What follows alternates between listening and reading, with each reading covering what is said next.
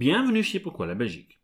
Et bienvenue dans, entre-temps, le troisième épisode en français de ce podcast. Aujourd'hui, nous retraçons la fin des Bourguignons avant de nous pencher sur le plus proéminent de leurs descendants, un certain Charles Quint. Ça et plus dans cet épisode de Pourquoi la Belgique. Bienvenue. Ceci est déjà le troisième épisode en français.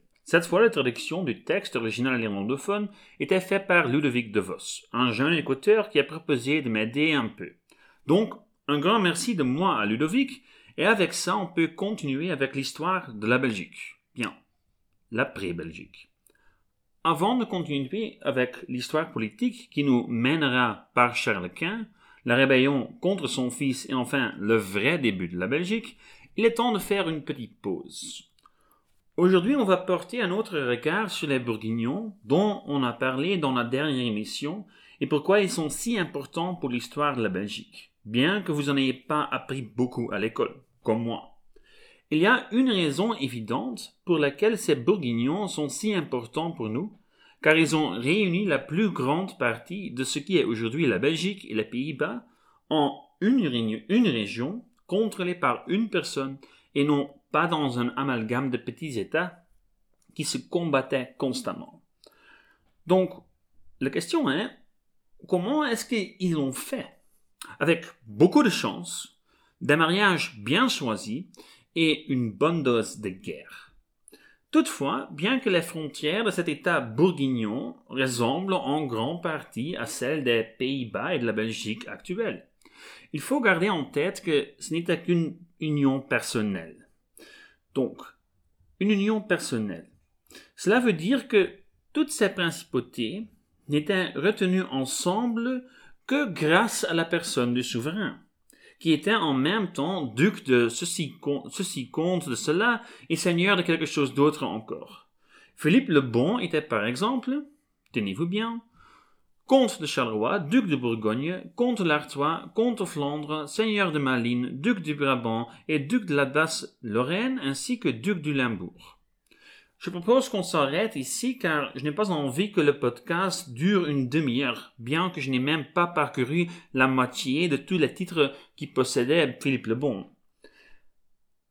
Mais ce n'était pas parce que toutes ces principautés étaient dirigées par une seigneur, une seule personne, que cela faisait d'elle un grand pays, car chacun avait ses propres institutions, ses propres lois, ses propres tribunaux, etc. On pourrait le comparer avec notre Union européenne. Mais cette union était dirigée non pas par une commission, mais par un seigneur. Un seigneur qui n'avait pas peur d'envoyer une armée quand un État membre ne respectait pas les règles c'est quelque chose d'autre que d'avertir sérieusement la Hongrie, non? Toutefois, pour la vraie unification de ces petits États, il faudra attendre plus longtemps, car bien que les Bourguignons les essayaient, c'était une tâche très difficile. Surtout Philippe le Bon a mis en place des institutions centralisées, mais ces petits États continuaient à défendre leurs propres droits avec ferveur. Ces régions étaient aussi des régions très agitées, et cela déjà avant les Bourguignons. Elles n'hésitaient pas à se rebeller pour défendre leurs propres intérêts ou pour se défendre de la concurrence. En 1397, par exemple, Gand s'est révolté car Bruges avait reçu la permission pour creuser un canal. Gand avait peur que ce canal allait les pénaliser économiquement et donc, elle a envoyé une armée pour arrêter les travaux. Cela a amené à une, guerre de cinq ans, où on a essayé de devenir un État indépendant, mais enfin, ils ont été vaincus. La même chose s'est produite quand Philippe le Bon a essayé de mettre un impôt sur le sel. Il y a eu des Gantois mécontents, une révolte contre le souverain et une guerre qui a encore une fois duré des années. Cela montre que les Pays-Bas bourguignons n'étaient pas du tout si harmonieux. La paie des impôts était par exemple un thème très difficile, qui occasionnait souvent des problèmes. C'est quelque chose que les Belges ont hérité des Pays-Bas bourguignons, on pourrait dire. Pourtant, pendant cette période, on a eu pour la première fois des institutions qui valaient pour tous les Pays-Bas. Chaque État en État, c'était par exemple le Brabant, la Flandre, le Hainaut ou la Hollande. Chaque État avait un conseil provincial où les trois États, le peuple, la noblesse et le clergé, et le clergé siégeaient. Et ces conseils étaient à leur, à leur tour représentés dans les États généraux. Un conseil commun où les trois aient à communiquer avec le souverain sur des thèmes comme, par exemple, les impôts. Ce qui est ironique, c'est que le souverain avait érigé cet conseil pour plus facilement contrôler les régions qui lui appartenaient. Mais qu'en fait, l'inverse se passa. Car c'est à, se détester quand l'un contrôlait un canal et que l'autre envoyait une armée pour le stopper. Mais quand il avait une chance d'arrêter ensemble des impôts, ils s'entendaient bien mieux, comme par hasard, soudainement. C'est ce qu'un autre Philippe allait expérimenter. Mais ça, c'est pour la prochaine édition de ce podcast. Pour faire simple, le fait d'être régné par un souverain va rapprocher les États politiquement, culturellement et économiquement. Mais lentement, très lentement. On était encore toujours de Gand ou de Bruges, de Bruxelles, d'Anvers, mais pas du tout bourguignon. Ce n'est pas encore une identité et encore moins belge. Ce ne sera que bien plus tard, quand on se unira pour se battre contre le souverain, qu'on va commencer à se considérer comme un peuple. J'ai omis de raconter beaucoup de choses, mais cette période sera une période d'or, à tous les niveaux pour la Flandre et pour ce qui est maintenant la Belgique. Pendant la période des Bourguignons, Flore et l'économie de Gand, de Bruges, d'Anvers, la campagne prospérait et les frères Vanek ont peint le Lamgots. Beaucoup de choses ont alors pris forme que nous connaissons encore toujours, comme la peinture de Bosch, Rogier van der Weyden et Van Eyck. C'est aussi une période où on a beaucoup bâti. Car, car quand on a d'argent, on peut l'utiliser pour des projets mégalomanes. Et certains d'entre eux se font encore photographier quotidiennement aujourd'hui. Pensez aux maisons, de ville de Bruxelles, de Ornarde et Louvain, et la tour de la cathédrale d'Anvers, par exemple. Il y avait de la musique, des compositeurs, et c'est aussi à ce moment-là que l'université de Louvain a été créée. En d'autres termes, les Pays-Bas étaient à ce moment-là une place où il faisait bon vivre. C'était une place avec de la culture, de la richesse et du pouvoir. Mais deux choses ne changent pas les Pays-Bas restent convoités par les autres puissances et les Anglais, les Français ou encore les Autrichiens. Tous ces pays essayaient, tout de faire même bas sur ces contrées. Jamais les Pays-Bas ne, réussissaient à pousser au, large cette puissance. Une autre chose qui restait à valoir, mais cette fois-ci un phénomène interne, c'est le particularisme, l'égoïsme politique. Le Brabant, la Flandre, le Hainaut, tous les autres s'occupaient en premier lieu de eux-mêmes. Ils ne voyaient aucun avantage à s'unir sous un souverain, sauf si c'était pour lutter contre ce souverain. Mais cette éphémère entente disparaissait aussi rapidement qu'elle était apparue une fois qu'ils avaient réussi à recevoir quelques privilèges ou baisse des impôts. Les Pays-Bas étaient donc surtout un endroit où l'air grande puissance pouvait incasser, et c'est principalement avec l'argent qu'ils gagnaient dans ces provinces que les Bourguignons payaient leur guerre. Toutefois, ce particularisme va très lentement se réduire à mesure que les dirigeants deviennent de moins en moins sympathiques. Pour résumer, sous les Bourguignons, les Pays-Bas vont être unis, entre guillemets, mais cela reste très relatif. De toute façon, on ne peut pas encore parler de la Belgique, car non seulement il n'y avait pas encore de vrai État belge, mais là on parle encore des grands Pays-Bas, et pas encore des Pays-Bas et de la Belgique. Pour arriver à cette scission, il faudra en premier une grande révolte, mais ça, c'est pour la prochaine émission. Car avant, il y a beaucoup de choses très intéressantes qui se sont passées. Il faut vraiment parler de quelqu'un de très, de très important l'empereur Charles Quint. Si vous avez été impressionné par le nom de titre de Philippe le Bon, alors tenez-vous bien, car Charles Quint on avait encore plus. Et oui, je vais tout le dire.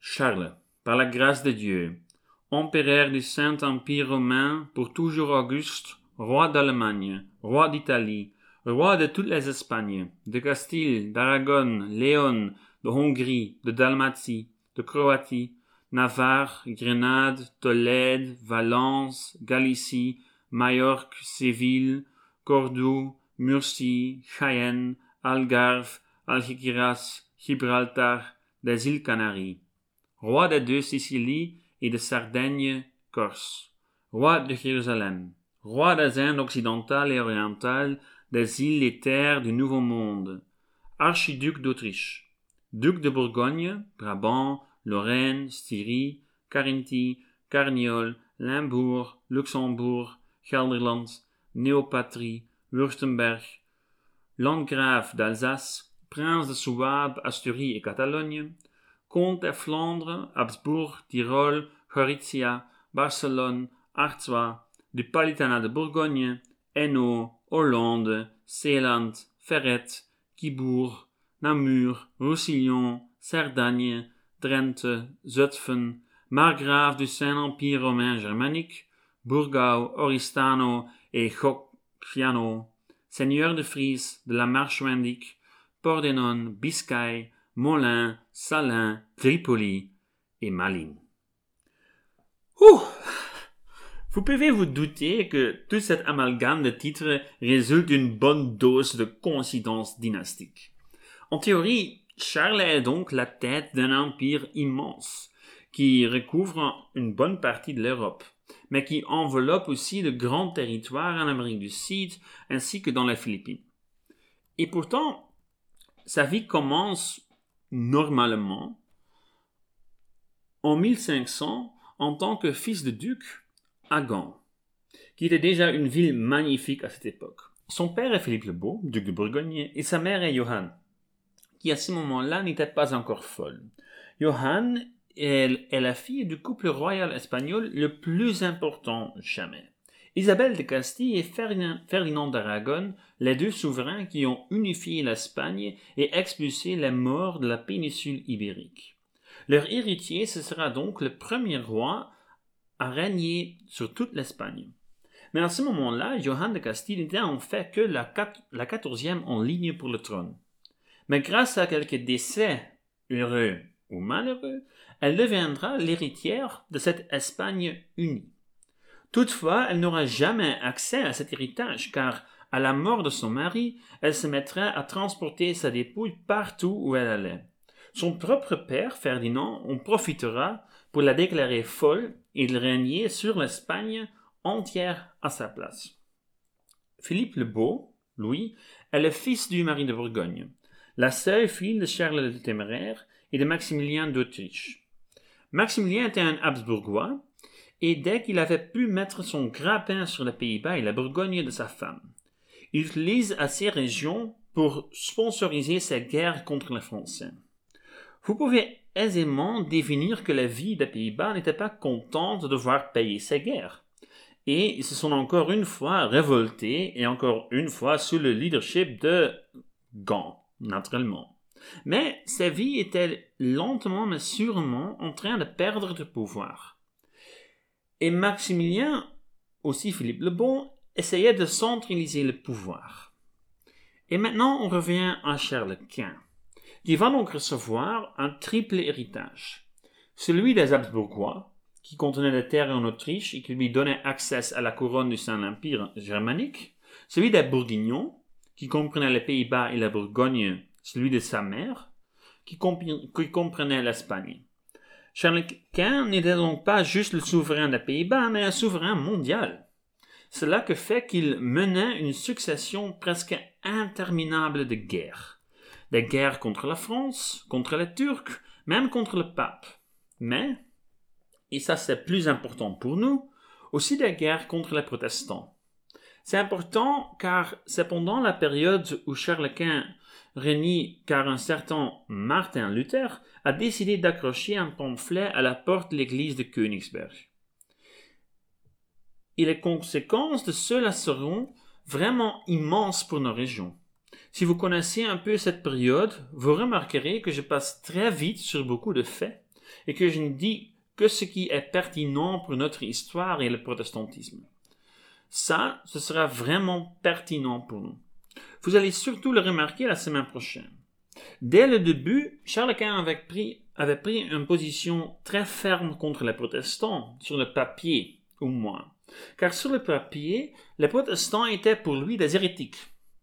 Donc, ils méritaient la peine de la mort. En réalité, ce n'était pas si grave que ça, et dans l'ombre de ces mesures très strictes, une communauté protestante était en train de se former dans les Pays-Bas. Au même moment, les multiples guerres que Charles Quint faisait menaient à beaucoup d'impôts. Et vous pouvez vous douter de la suite, car s'il y a bien une constante dans cette histoire, c'est que des impôts mènent à des révoltes. Des révoltes qui sont sous la direction de, bien sûr, Gand. Encore une fois. Mais je vous jure que cette fois-ci, c'est vraiment la dernière fois. Qu'est-ce, qui s'était passé? Bien, Charles Quint voulait l'argent pour de nouveaux mercenaires et Gand ne voulait pas lui donner cet argent. Ils vont même si loin, c'est Gantois, qu'ils déchirent le Calfvel. Maintenant, à nouveau un peu de contexte. Vous vous souvenez de ces beaux beffrois que la cité faisait bâtir au Moyen Âge?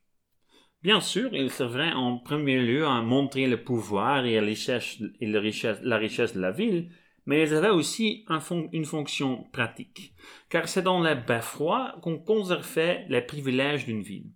Le privilège, c'est un document qui dit quel droit une ville a et lequel elle n'a pas. Et dans le beffroi de Gand, il y avait un document qui enlevait certains droits à la ville. Les privilèges, c'est un document qui dit quel droit une ville a et lequel elle n'a pas. Et dans la beffroi de Gand, il y avait un document qui enlevait certains droits à la ville, justement à cause d'une précédente révolte. Et à un moment, les Gantois en ont eu marre de devoir payer autant d'argent pour la guerre de Charlequin. Ils se sont rassemblés devant le Beffroi pour déchirer ce calfel. Et selon la légende, ils l'ont même mangé en masse. Donc, ça arrive. Comment est-ce que Charles va réagir? Bien, Charles est venu à Gand avec une armée d'Allemands et rapidement tous les meneurs de cette révolte étaient ou bien en fuite ou bien emprisonnés. C'était rapidement fini. Quelques jours plus tard, il y a eu des décapitations et quelques semaines plus tard, un groupe de proéminents a dû implorer la pitié de Charles Quint avec un nœud coulant autour de leur cou et en chemise de nuit à pieds nus. Si vous vous demandez à quoi ça ressemble, allez voir la reconstitution qui a normalement lieu au premier vendredi des fêtes comtoises. C'est très beau à voir et moi je serai, moi je serai là, normalement. Bon, à ce moment-là, ça devait être un peu moins beau à voir car le supplice ne se finissait pas là pour les Gantois. En effet, non seulement les Gantois ont perdu presque tous leurs privilèges et leur autonomie, mais en plus, l'une des plus belles et des plus anciennes abbayes de l'Europe a alors dû être détruite pour faire la place pour un château. Ça sera le fin de l'abbaye Saint-Bavon. Pourquoi j'explique cette part de l'histoire de Gand? Bien, parce que c'est un très bon exemple de comment a été mis une, une fin au particularisme des villes. La puissance des villes était de plus en plus restreinte, et de telles forteresses comme à Gand avec des canons braqués sur la ville, était construite un peu partout. Bien, après cette petite excursion, on revient à Charles. Un des derniers faits d'armes de l'empereur est la transaction d'Augsbourg, et aussi la pragmatique sanction en 1548 et 1549. Et on sent que Charles est en train de préparer sa retraite car il commençait à en avoir un peu marre. La transaction d'Augsbourg détache les Pays-Bas du Saint-Empire germanique et la pragmatique sanction est encore plus importante. Elle indique que, quoi qu'il advienne, les Pays-Bas doivent rester unis et sous un souverain.